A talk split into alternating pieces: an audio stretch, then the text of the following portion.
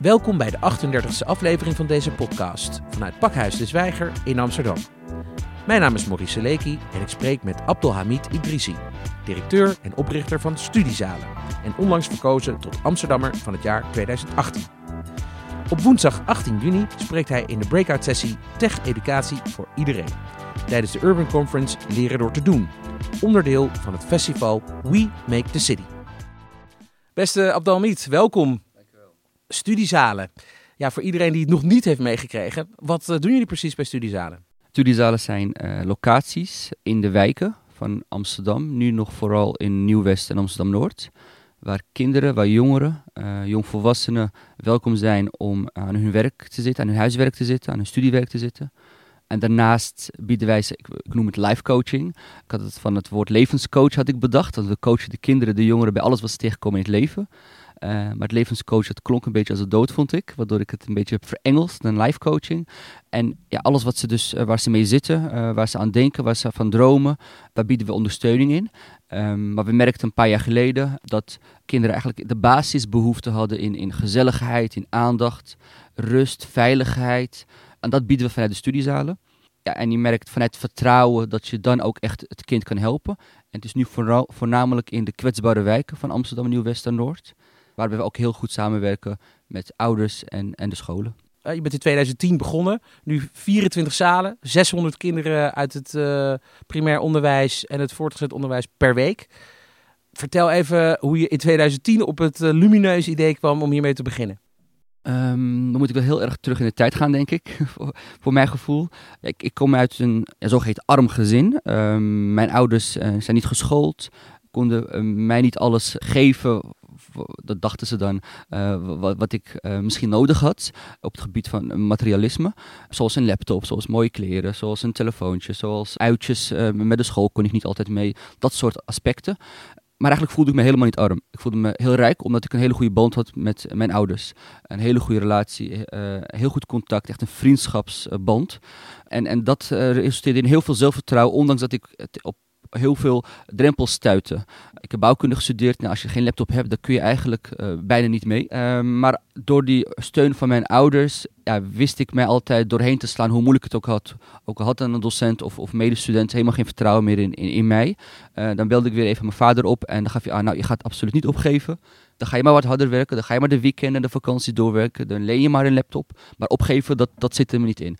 En dat, had ik, dat was voor mij voldoende om door te zetten. Maar ondertussen zag ik inderdaad heel veel jongeren die ik kende of, of, of wist waar ze vandaan kwamen in die kwetsbare wijk van Amsterdam, dat ze massaal uitvielen. Je vertelt over je gezinssituatie, maar je bent opgegroeid in Amsterdam. Ja. Geboren in het centrum van Amsterdam en later naar Nieuw-West verhuisd. Ja. Kan u nog heel even wat meer inkleuren? Uh, want voor de luisteraars, we weten bijvoorbeeld niet hoe oud je bent. Je bent een jaartje of 30. Ik ben net 30 geworden inderdaad. In, in Witteburg, Amsterdam Centrum, uh, opgegroeid prachtige uh, uh, wijk. Maar goed, een hele leuke... Marokkaanse roots? Marokkaanse roots, inderdaad. In, in, in Amsterdam, in het centrum hier bij Wittenburg, ja, nog woonachtig in zo'n traditioneel gezin waarbij mijn, oude, mijn opa en oma's gastarbeiders uh, naar Nederland kwamen en wij met z'n allen, de kinderen en de kleinkinderen, daar woonden. Vervolgens op, op jonge leeftijd naar Amsterdam-West, naar Bosselommer verhuisd. Daar weer een aantal jaren doorgebracht, op de basisschool ook. En vervolgens naar Geuzenveld verhuisd, naar Nieuw-West. En daar woon ik nog steeds. Daar heb ik een huisje gekocht. En, en heb ik een gezinnetje van twee jonge kindertjes. Ja. Dus uh, je, je, bent een, uh, ges helemaal gezetteld nu in, uh, in Nieuw-West? Ik blijf daar voorlopig inderdaad. En inderdaad, ik, ik als puber of, of als tiener en, en, en, en jongvolwassene... Ik mocht ook nooit werken omdat mijn vader een beetje mij beschermde voor A... Uh, het, uh, ja, ook geld. Want uh, als ik geld zou proeven, zei hij altijd, dan zou ik snakken naar meer. Dus, dus hij beschermde in dat opzicht. Uiteindelijk op, op 16, 17 jaar leeftijd toch een bijbaantje bij de Albert Heijn mogen starten. En, en daar kwam ik eigenlijk voor het eerst in contact met de jongeren in mijn wijk. Men kende mij wel van gezicht, alle jongeren. maar eigenlijk was het van school naar huis of van de sportclub naar huis. Daartussen was er weinig. Ik mocht ook nooit buiten spelen toen ik werd aangenomen als teamleider bij de Albert Heijn in, in Geuzenveld, kwam ik dus voor het eerst in contact met de jongeren in mijn wijk. En, en ik merkte dat, dat een aantal dingen wat stroevig gingen. Bijvoorbeeld last minute afzeggen, terwijl ja, ik dan met een probleem zat. Of uh, klantje pesten. Um, Wat is dat, klantje pesten? Uh, oh jee, misschien zeg ik nu iets te grapje.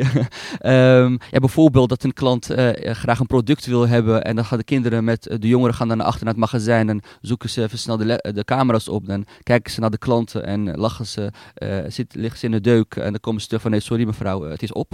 nou, dat is dan heel erg humoristisch. ja, of, of soms ook wel eens brutaal zijn tegen de klant om te laten zien hoe stoer je dan wel bent. dat, dat, dat zag ik en dat vond ik niet fijn. Waardoor ik daar automatisch eh, mee in contact kwam met de jongeren. En dan zag je ook waar het vandaan kwam.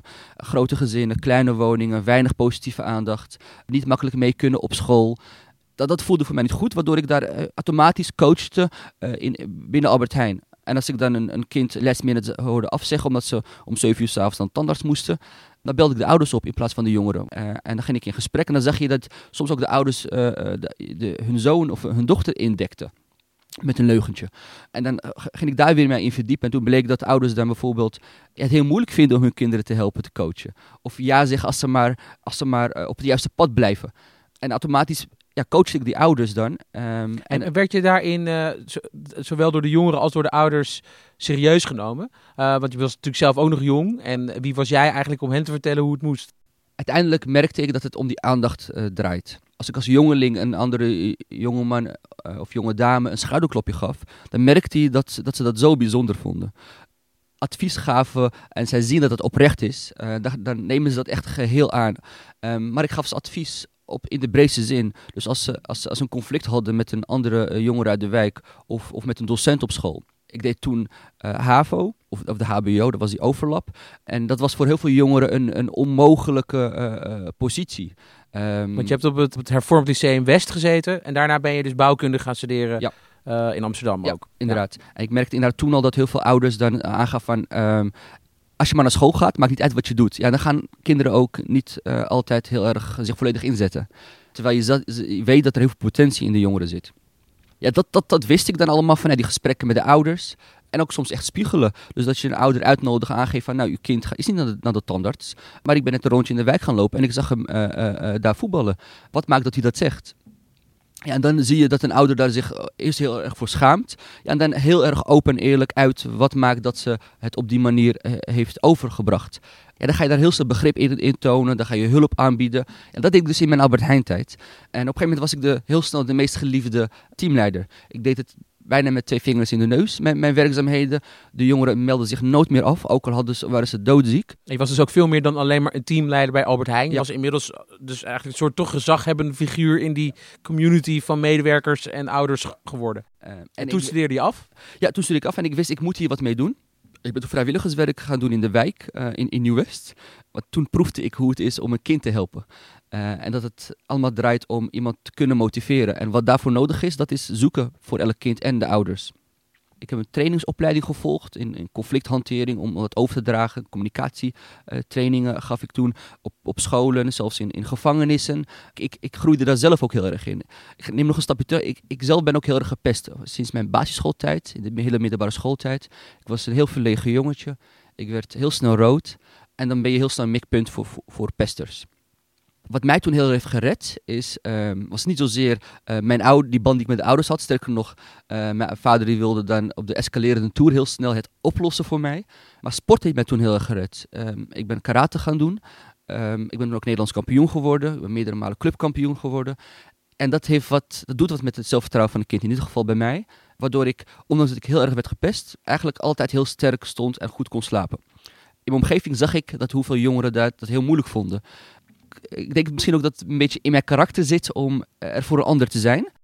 En dan nog heel even die, die klik, hè? want we hebben nou, je, eigenlijk je, je, je achtergrond nu gehoord, maar al deze dingen die, die helpen dan uh, mee om uiteindelijk tot zo'n concept te komen. Want op, op, een bepaald punt kwam je tot het inzicht van oké, als ik al mijn levenservaringen, al die lessen, al die professionele ervaring, al die studieervaringen, als je dat allemaal bij elkaar brengt, dan komt daar iets uit. Absoluut. Um, dus er is heel veel van uh, mijn, mijn, mijn, persoonlijke ervaringen zit in de studiezalen. Maar daarnaast wist ik, het, is voor elk kind anders wat hij of zij nodig heeft. Voor elke ouder anders. Ik ben natuurlijk ook een paar keer in de fout gegaan door te denken, te weten wat, uh, hoe het moet lopen. En dat moet, een, een, een moet het kenmerken dat wij ons aanpassen aan de hand van wat er nodig is voor elk kind En het kan nooit in groepsverband, want uh, je kan niet voor een hele groep hetzelfde gaan willen uitvoeren. Dus een studiezaal is een plek waar we gaan zoeken naar die behoeftes voor elk kind. Hun enerzijds die positieve dingen, de dromen, uh, de doelen, de wensen korte termijn en wat lange termijn. En daarnaast ook waar, waar, ze mee, waar ze mee zitten. Dus inderdaad, als je gepest wordt, dan slaap je niet lekker. Als je gepest wordt, dan gaat het ook niet lekker op school. Als je wordt gechanteerd, of, of, of, of nog erger, uh, we hebben een paar jaar geleden een dame gehad die, die, die, die, die, die misbruikt werd thuis. Ja, dan gaat het natuurlijk ook niet lekker op school. Dus vanuit het vertrouwen onderzoeken, samen bekijken wat de meest intrinsieke behoefte is om weer lekker te kunnen slapen, weer die, weer die glimlach op het gezicht te verkrijgen. Eigenlijk dat is het doel van de studiezalen. En dat, waar we dat doen, dat, dat, dat, is niet, dat, dat is niet belangrijk als het maar in de wijk is. Je begint dan met één zaal en dat is dan een, een plek, ook een fysieke kamer, een zaal. Maar zit, zit dat bij een school, zit dat bij een bibliotheek of uh, bouw je dat zelf? In Amsterdam Nieuw-West, maar volgens mij in heel Amsterdam, heb je Huizen van de Wijken. Dat was dan een mooie centrale plek in Slotermeer, waar we de eerste studiezaal hebben, uh, zijn opgericht. En inderdaad, dan is stap 1 het vinden van kinderen die daaraan de, gaan deelnemen. Nou, we zijn met één kindje gestart. Het tweede kind uh, liep binnen. En zo groeide langzamerhand de aantallen binnen de eerste studiezaal. En als je, laten we zeggen, acht jonge kinderen hebt. En zij voelen zich zo goed gehoord, zo goed geholpen, zo goed ondersteund, zo serieus genomen. In, nogmaals, in de breedste zin. Gelukkig gaat goed nieuws, positief nieuws ook heel snel de wijk in. Niet alleen negatief nieuws dat ging dus als een lopend vuurtje de wijk in van hoe goed we ze hebben geholpen. Hoe goed ze zich gehoord voelen. Dat, dat uiten ze aan hun vriendinnen en vrienden. Dat uiten ze thuis, uiten ze bij familie. Dus eigenlijk die acht leerlingen waar we mee starten, bijna... Dat waren jullie ambassadeurs? dat, dat worden ambassadeurs. En nu hebben we 600 ambassadeurs. Want allemaal voelen ze zich op die manier geholpen en, en gehoord en gezien. Maar dat was een zoektocht, want ik wist in eerste instantie niet hoe het moest. Want ik had het woord studiezaal bedacht, omdat huiselijke begeleiding een enorme vraag is nog steeds. Dat blijft, ik denk voor aankomende uh, decennia blijft het wel. Eh, huiswerkbegeleiding inkopen, dat zijn vooral weer de, de, wat rijkere gezinnen die dat kunnen doen. Terwijl, terwijl ja, juist ook kinderen uit kwetsbare uh, omgevingen het ook heel hard nodig hebben. Dat was ook dat was negen jaar uh, geleden zo. En dat is dus nog steeds zo. Dat wordt alleen maar meer. En dat, zie je ook aan de hand van de cijfers en ook dat zie ik als, als drijfveer om, om, om de jongeren in kwetsbare wijken ook dat te gunnen en te geven. En misschien nog wel tien keer beter dan de betaalde instanties. Want wij moeten tijd maken voor de kinderen om, om, om te horen en te weten wat ze voelen. En, wat, en hoe, hun leefwereld eruit ziet en waar ze mee zitten. En, dat die ouders vonden het goed trouwens. Dat, dat, uh, dat jullie, hè, jullie waren toen nog een nieuwe onbekende speler. Maar dat, uh, dat, zij, uh, ja, dat jullie in feite over hun kinderen ontfermden. Uh, de ouders vinden het altijd goed, want de ouders zitten al met hun handen in het haar. Uh, maar de scholen vonden het niet goed. Want wij waren dan de zoveelste partij die langskwam. De zoveelste partij die dacht dat ze uh, de kinderen goed kunnen helpen. Dus ik heb die stap even geparkeerd. Ik ben toen inderdaad gaan focussen op de kinderen en de ouders. Tenminste, de ouders ook nog niet. Ik was eerst met de kinderen gestart. En uiteindelijk zag ik hoe belangrijk het is om. om um, ik neem een stapje terug. Dat proces van hoe moet een studie eruit komen te zien, dat was een behoorlijk stressvol proces ook. Enerzijds heb je het stadsdeel, de gemeente, die ja, eigenlijk ons voor huiswerkbegeleiding inzet. Ja, uh, en daar ook geld voor gaf, denk ja, ik? Ja, inderdaad. Ik ben gevraagd om, om een stichting op te zetten uh, op, op, vanuit de gemeente, vanuit het stadsdeel. Toen heb ik Stichting Positive Society opgericht. Het eerste project, het moest iets zijn met huiswerkbegeleiding. Daar was inderdaad wat budget voor. En toen hebben we de studiezalen opgezet. En dat is dus een beetje uit de hand gelopen qua grootte. nee, inderdaad. Je, doet, het, klinkt als huiswerkbegeleiding. Het lijkt op huiswerkbegeleiding, maar dat is het niet. Ja, laat, leg dat maar eens uit. Leg dat maar eens uit. Wat maakt dat je dat op die manier doet? Want daar heb je in principe ook andere partijen voor. Je hebt de zorgverleners. Maar dan hoorde je inderdaad in de gesprekken met de kinderen dat, dat het niet altijd zo makkelijk loopt in heel veel organisaties. Dat je van het kastje naar de muur wordt gestuurd. Dat je uh, niet goed wordt gehoord. Dat je als je voor je schulden ergens naartoe gaat, dat je enkel voor je schulden wordt geholpen. En niet over je lichaam kan praten. Of over uh, een relatie met een docent kan, kan spreken. En dus jullie bieden eigenlijk een soort compleet pakket aan. Maar op een hele natuurlijke manier. Waardoor die kinderen, want het gaat natuurlijk om vertrouwen. Want uh, iemand gaat jou niet als hele levensverhaal vertellen en alle persoonlijke problemen als hij jou niet vertrouwt. Juist, ja, daar draait het om, absoluut het oudere aspect, dat, daar hebben we enorm in, in, moeten zoeken. Dat, volgens mij na twee, drie jaar wisten we pas, nou, we, bouwen heel veel in de studiezaal op. Dat doen we op een gegeven moment ook met de, met, met de scholen. Maar de ouders kunnen het heel makkelijk afbreken. faalangst bijvoorbeeld, dan ben je het kind enorm aan het uh, versterken in dat opzicht. Om, om weer fijner te slapen en niet zo te stressen en die buikpijngevoelens weg te, weg te nemen. Maar dan zeg je weer een, een, een ouder die aangeeft van je moet HAVO halen, je moet, je moet, je moet alweer een onvoldoende haalt, terwijl het kind stink, stinkende best doet. Dus op een gegeven moment wist je of, of een gezonde leefstijl. Dan heb je een, water, uh, allerlei waterbidonnen bieden we de kinderen aan. heb je een grote fruitsponsor, Albert Heijn, als, die elk kind twee stuks fruit biedt. Dat had jij natuurlijk ook opgezet als oud teamleider. Ja, inderdaad. Uh, je moet je relaties uh, koesteren. koesteren. maar dan zeg je inderdaad dat een ouder haar kind elke week uh, komt ophalen met een broodje dunner. En dat vond ik ook weer interessant om in te duiken. Dat bleek inderdaad, als je uit een arm gezin, als je als, je als ouder zijn die je kind niet alles kan bieden, dan, dan ga je dat compenseren met, met ongezond eten ongezond drinken. Dat inderdaad ook ouders een blikje Red Bull kopen om hun kinderen te geven. Om, zodat het kind zich erbij hoort, voelt horen. En dat, dat merk je dan in die gesprekken met de kinderen, maar ook de ouders, die dan op een gegeven moment, daar, ook daar moet je investeren in een relatie. Ook dat, daar werden we ons uh, zelf van bewust. En toen wisten we, nou, die oude betrokkenheid is zo van belang, dat we daar iets moeten voor moeten bedenken om dat heel goed en sterk te, te maken en te houden. Nog heel even terug naar die fysieke, fysieke plek. Neem ons even mee in hoe zo'n studiezaal dan open gaat. Hoeveel mensen kunnen daar ongeveer in? Weet je, wat zijn de openingsuren? Wat is het programma wat je dan aanbieden? Moet je ervoor betalen? Weet je, al die dingen. Vraag vaak aan de leerlingen welke ruimte in de wijk uh, vind jij fijn. Dus uh, ook daar passen we ons aan. Het zijn vaak de huiskamers in een bepaalde wijk. In de school het liefst niet. Want daar heb je al die rollen al, al, al vast, zijn, zijn al vastgelegd. Dus de pestkoppen blijven de pestkoppen ook in de studiezaal dan. En dat hebben we geleerd. Dat je moet heel goed mengen in waar komen de kinderen vandaan, welke school. Dus op wijkniveau op opereren, dat werkt het best ook kijken naar de openingstijden, dat was een enorme, enorme zoektocht. Um, je hebt tegenwoordig ook verkorte uh, schooldagen, maar gelijk aansluiten op school. Dat, dat voelde, voelde de kinderen niet fijn. Ze wilden eerst het liefst even naar huis, even wat eten. Nou, dat hebben we, die ruimte hebben we gegeven. Dus inderdaad, kinderen kunnen eerst even rustig naar huis. En dan rustig, laten we zeggen van 4 tot 6 binnenkomen. Als je als basisschoolleerling uh, actief bent. Maar als we dat bijvoorbeeld hebben af, uh, afgesproken op een locatie, op, in, een, in studiezaal, nou, dan moeten ze er ook om 4 uur zijn na tien minuten gaan we de ouders bellen van waar blijft uw kind. Dus ook dat is een enorm trainingsproces van die eigenaarschap en van verantwoordelijkheidsgevoel om op tijd te komen. Het voorgezet onderwijs is van 4 tot 7. Dat is een inloop.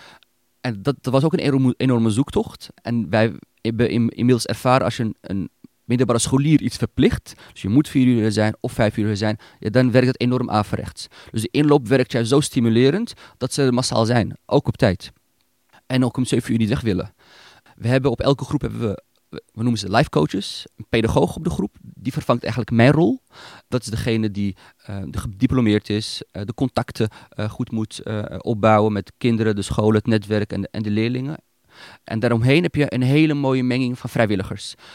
in de kinderen gaan we, kunnen we niet mengen. Iedereen is welkom. En als je toevallig van Marokkaans of Turks of Surinaams komaf bent, nou, dan ben je welkom. Maar in het team, dat vind ik wel heel belangrijk om te mengen. Dus qua geloofsovertuiging, qua, qua seksuele uh, geaardheid, afkomst, etc. Iedereen is welkom en daar meng ik ook heel bewust in om juist die kinderen, ja, dat, dat men elkaar tegenkomt, elkaar ontmoet in de studiezaal middelbare scholieren mogen een hele, hele week uh, bij de studiezalen uh, langskomen. Uh, en moet dan ook een pasje hebben? Of, nee, nee, alles moet zo laagdrempelig mogelijk zijn. Ja, dus het, het, is ook gratis? Het is gratis. We hebben ooit geprobeerd om een euro of 50 cent per week te vragen van de kinderen. We waren nog zoekende naar het verdienmodel. Of hoe, hoe zorgen we dat we financieel inst, uh, kunnen blijven staan. Nou, dat werkte niet. Op een gegeven moment, uh, ja, ze vielen elke week weer weg, uh, de jongeren. Met allerlei ar andere argumenten. Tandarts, sporten, et cetera. toen we dat hadden afgeschaft, na drie weken volgens mij, waren ze erop massaal weer. Dus ja, en dan ga je ook proberen te meten hoe arm zijn onze kinderen. En daar schrik je dan ook van. Op sommige locaties is het wel 93% die een stadspas heeft. En de overigen kunnen die 10 euro per jaar ook niet betalen. Dus we, bereiken ook de meest kwetsbare doelgroep. Een stadspas is ook voor de kwetsbare doelgroep hè? in Amsterdam. Die krijgen een korting op allerlei uh, ja, activiteiten en zaken. Ja. Dus jullie hebben als businessmodel in ieder geval dus geen, uh, geen, geen kaartverkoop. Zeg. Eh, maar waar, waar kunnen jullie dan wel van bestaan? Van subsidie? Of hebben jullie ook sponsors of andere bronnen? Het is altijd de subsidies geweest, maar dat is niet voldoende. Volgens mij worden voor 26% gedekt. Uh, het overige is altijd een zoektocht. En Want je hebt dus eigenlijk een aantal vaste, een team van een aantal vaste medewerkers, die pedagogen bijvoorbeeld, en jij, ja. die gewoon de boel draaiende moeten houden. Ja, we hebben 60 man uh, uh, betrokken. waarvan... Het is eigenlijk alsof jij een soort middelbare school, zeg maar, nu beheert. Hè? Want 600 kinderen per week, dat is, dat is een soort middelbare school. Ja, inderdaad. Ja. ja. Ja, het is uh, groot en daarom is een team van 60 man ook, ook uh, belangrijk en nodig. We hebben een, een vast team, een betaald team van zeven, zeven werknemers. En voor de rest zijn het, het inhuurdocenten. En voor de rest heel veel parels aan vrijwilligers misschien ook wel goed om te benoemen, hoe komen aan die vrijwilligers? Dan vragen aan de kinderen, wie heb jij in jouw netwerk die jou, die ons zou willen helpen? Dat levert ons de meest geweldige mensen op. Maar inderdaad, dat team is ook heel erg hard nodig en dus nog heel erg afhankelijk van uh, subsidies. Maar nu we zo goed worden gezien door, uh, in het land. Uh, Mede ook door jouw uitverkiezing tot Amsterdammer van het jaar in ja. 2018. Ja, het is, in 2019 ben ik, uh, heb ik dus die prijs gewonnen, inderdaad, over 2018. En uh, dan zie je een, bedrijf zoals bijvoorbeeld Shell, die in Noord een studie heeft geadopteerd. Ik ben nu in gesprek met, met de Rabobank, die heel graag veel meer met ons wil doen. Het lijkt erop dat, dat ook bedrijven ons uh, nu gaan omarmen, omdat we nu veel zichtbaarder ook zijn. Maar inderdaad, het financiële, dat is een enorme zoektocht om daar gezond in te zijn, want dat zijn we nu helaas nog niet. Maar als ik dit allemaal zo hoor, dan uh, en ook hoor hoe jullie dit hebben georganiseerd en hoe snel het is gegroeid. Ik bedoel, dit is eigenlijk een, een model, een concept wat je in heel Nederland uh, zou kunnen uitrollen. Want er zijn heel veel steden, heel veel gebieden waar, waar ongelooflijk veel behoefte is aan, aan, aan zoiets als dit, toch? Ja, ik, word ook massaal benaderd uh, door het hele land. Voornamelijk wel de grote steden en de kwetsbare wijken. Maar ik heb met, niet alleen met mezelf, maar ook met het team een belofte gemaakt dat, dat we pas daar überhaupt aan gaan denken als Amsterdam, de, kwetsbare wijk in Amsterdam, hebben veel meer kinderen uh, kunnen bedienen. We hebben nu enorme wachtlijsten van jongeren die we niet kunnen, uh, een plek kunnen geven. Ja, en het bestaande is nog niet eens goed gedekt qua financiën. Dus we zijn nu nog heel erg in de stress in dat opzicht. Dus, maar absoluut, ik denk dat, ik, dat, dat we iets hebben ontwikkeld wat, wat behoorlijk innovatief is. Maar eigenlijk heel simpel klinkt, maar aan de andere kant wel heel energiek is om een kind weer echt gelukkig te maken en, en te versterken. Uh, ik krijg wel eens de vraag, kun jullie aantonen hoe goed jullie zijn?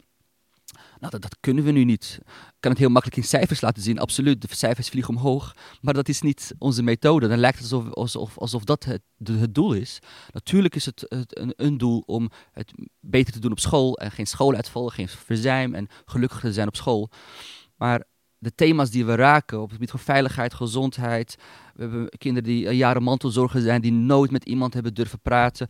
Ouders die jaren in de schulden zitten en allerlei gekke constructies. En nou, dat soort dingen durven ouders ons vertrouwen te uiten. En dan kun je daar ook echt oppakken en doorpakken. Maar je merkt dat één basiswoord, dat is vertrouwen. Um, en als je daar goed in investeert, ja, dan ja, dat is dat is zo essentieel. Als je nu een richtbedrag op tafel zou moeten gooien, wat zou je eigenlijk nodig hebben om jouw plannen voor de komende vijf jaar te verwezenlijken? Wat, wat zou je, waar denk je dan aan? Procesmatig ben ik overal heel goed in.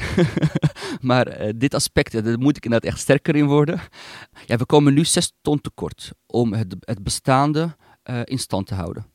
Ik had een paar jaar geleden de keuze om of naar die 80 of 100 jongeren terug te gaan die, waar we voor gefinancierd worden. Of inderdaad uh, eh, 500 kinderen te laten vallen. Nou, dat laten vallen, dat, dat gaan we natuurlijk niet doen. Dus we hebben eigenlijk in stand gehouden uh, wat we al, al bedienden. En nee, dus nu komen we ja, dat bedrag dus tekort. Oké, nou dat is heel concreet. Dus uh, voor iedereen die luistert, die op een of andere manier uh, aan zes ton kan komen, neem even contact op met de redactie van Pakhuizen Zwijger. Dan brengen we jou weer in verbinding met uh, Abdelhamid Idrissi. voor zijn geweldige conceptualisatie. Ja, sorry, ik, ik moet hier natuurlijk ook kritische vragen stellen. Want ik ben ondertussen een beetje fan van het worden. Maar uh, ja, daarover gesproken. Kijk, uh, je kunt je je kunt je wel afvragen van als jullie dus dat eh, het niet echt kunnen meten, jullie hebben geen diploma, jullie hebben een soort van impact die ja, toch een beetje vaag blijft. Eh, ook al kunnen we ons er van alles bij voorstellen, dan kun je je ook voorstellen dat organisaties die intern verantwoording moeten afleggen van waar zij hun geld aan uitgeven. Loop je daar nu al tegenaan, tegen een soort van de bureaucratie van het systeem? het begint wel, maar nu niet meer. Bijvoorbeeld een school die al jaren, eh, die directeur die uitte dat in, in, in, vertrouwen, al twintig jaar proberen ze iets soortgelijks op te zetten. Het lukt maar niet. Uh, we zijn daar net gestart en het is volle bak, 60 jongeren elke dag. Kinderen die bijna ruzie maken om, om er te zijn ouders die smeken om een plekje, uh, docenten die over de vloer komen om mee te doen, mee te helpen, omdat ze de sfeer zo uh, fijn vinden. docenten die zien dat de mentaliteit ook echt verandert van het kind, ja, dan, dan begrijp je het als schooldirecteur heel snel. We hebben een hele goede relatie met, met in dit geval met, met, de, met de gemeente en, en de stadsdelen. Die komen veelvuldig over de vloer. Um, en die, die voelen het En dan heeft, heeft niemand meer vragen over, laat maar zien wat je nou bereikt. Dus dat is nu onze tactiek geworden. Kom maar langs, kom maar voelen hoe het is. Kom maar uh, wanneer je wil langs, je hoeft niet eens aan te kondigen. En, en dat, dat, dat zorgt voor heel veel, heel snel bewustwording en iedereen gelooft het dan ook heel snel. Dus we zijn uh, zo transparant als maar kan. Het is open deur, ja, nogmaals, en dan, dan, dan begrijpt men het ook. Kijk, die uh, wijken waar je nu opereert, uh, Noord, Nieuw-West, die, die, die hebben een soort van reputatie dat ze sociaal-economisch uh, nog ja, zwakker zijn dan in andere delen van Amsterdam. En dat, dat is verdeeltelijk ook feitelijk, maar ze zijn tegelijkertijd heel erg aan gentrifyen. Dus die zijn heel erg rap in ontwikkeling. maar er zijn ook natuurlijk kwetsbare kinderen, bijvoorbeeld in Centrum of in, in Zuid of in, in andere buurten van een Oost. Gaan jullie daar ook nog naartoe? Of, of is het zo dat je zegt van nou, we pakken echt alleen maar die uber kwetsbare delen? Nee, die uber kwetsbare delen, dat is, um, ik denk daar ligt ons hart. Um, maar het ligt in, in het kansarmer kind. Daar, dat, dat, is het. En die heb je inderdaad ook in Amsterdam Centrum en Zuid. Dat weten we inmiddels ook al. Ook daar komen leerlingen oh, en Eiburg overvliegen. Zelfs uit Amstelveen komen jongeren ons opzoeken. Dus absoluut, ook dat is onze wens om, om waarschijnlijk hoef je veel, daar veel minder uit te breiden. Misschien ben je in, in, in het centrum al met drie locaties, met drie studiezalen, heel goed het gebied al gedekt of bediend. Maar absoluut, het is, uh, Amsterdam ligt, uh, is, is natuurlijk mijn stad. En hier ligt het hoofdprioriteit om, om veel meer jongeren in, in Amsterdam. En het maakt er niet, echt niet uit, uit welke wijk je komt. Als, we je maar echt, als, als die noodzaak er maar is tijdens We Make the City ben jij uh, ook een van de initiatieven die uh, spreekt tijdens de breakout sessie uh, Tech Educatie voor Iedereen. wat, wat doen jullie met studiezalen aan Tech Educatie? Tot aan een paar maanden geleden helemaal niets. totdat ik Ruben Nieuwenhuis, Victor, ik ben zijn naam vergeten, hij wordt heel boos op mij, en Ronela Snel heb ontmoet. die zijn van Future NL, Tech Connect en Amsterdam Economic Board. Die heb ik ontmoet. En die vertelde over, uh, vooral Ruben Nieuwheids vertelde mij over een initiatief uh, die hij naar Nederland wil halen. En uh, of ik met hem mee wil naar Brussel. daar heb ik Molen Geek hebben bezocht. Een zeer succesvol initiatief in, in, Brussel, Molenwijk. Inmiddels door Google ondersteund ook, toch? Ja. En, en Samsung inderdaad. Um, dus eigenlijk in de, in de Brusselse wijk Molenbeek, waar een beetje vergelijkbaar met Nieuw-West zou je kunnen zeggen, maar dan in Brussel uh, kwetsbare wijk. En daar hebben zij een soort van tech-startup, een soort programmeerschool, hebben ze, zijn ze daar begonnen. Ik ben daar geweest ja. uh, met Ruben en ik uh, heb daar jongeren ontmoet. Ik heb gezien hoe, hoe, het, hoe het ook kan. Een enorme inloop in zes maanden, mits je de motivatie hebt kun je worden opgeleid tot, voor een functie in de tech. Er is nog een andere lijn om een ondernemer te worden. Je wordt pas losgelaten als je succesvol wordt en bent. Het is, alles is gratis. Is een inloop. Je komt binnen wanneer je wil en je gaat, al is het diep in de nacht, uh, het gebouw verlaten. Dat mag ook. En toen dacht ik van nee, dat, dat, dat, dat format hebben we helemaal niet in Nederland. Alleen maar het in- en uitlopen in een gebouw, dat bestaat volgens mij gewoon helemaal niet. Het voelde zo goed. Ik zag daar de jongeren gemotiveerd omdat ze jonge coaches ook hebben daar rondlopen enorm perspectief uh, waar ze aan, de verwachting van hebben. Ja, ik, werd, ik was gelijk helemaal om. En nu gaan wij dat naar Nederland halen. Uh, ehm, 19 juni is de officiële lancering. En ik zag gelijk al die 600 kinderen voor, mij, waarbij we hun broers, zussen, neven, nichten, buren en hun ouders, zelfs hun ouders, kunnen opleiden. Tot programmeurs. Tot programmeurs of uh, in, binnen de, als ondernemer. En ook heel goed, makkelijk succesvol kunnen zijn. En, ook en daarmee kunnen aansluiten eigenlijk op die technologie samenleving waarin we leven. Absoluut, ja. Die is nu niet divers. Nou, de cijfers kent hij volgens mij iedereen, ook te weinig vrouwen. Ja, en die, ook dat hebben wij in, vanuit de studiezalen, maar ook in, de, in die kwetsbare wijken. Sterker nog, er is zoveel potentie. En dat kan nu hierdoor, mede hierdoor, uh, veel meer worden, uh, uh, ja, dat we ze laten groeien en, en, en die plek bieden. maar wat ik vooral weet, armoede is een groot probleem. Armoede is, bijna, is het begin voor heel veel problematiek.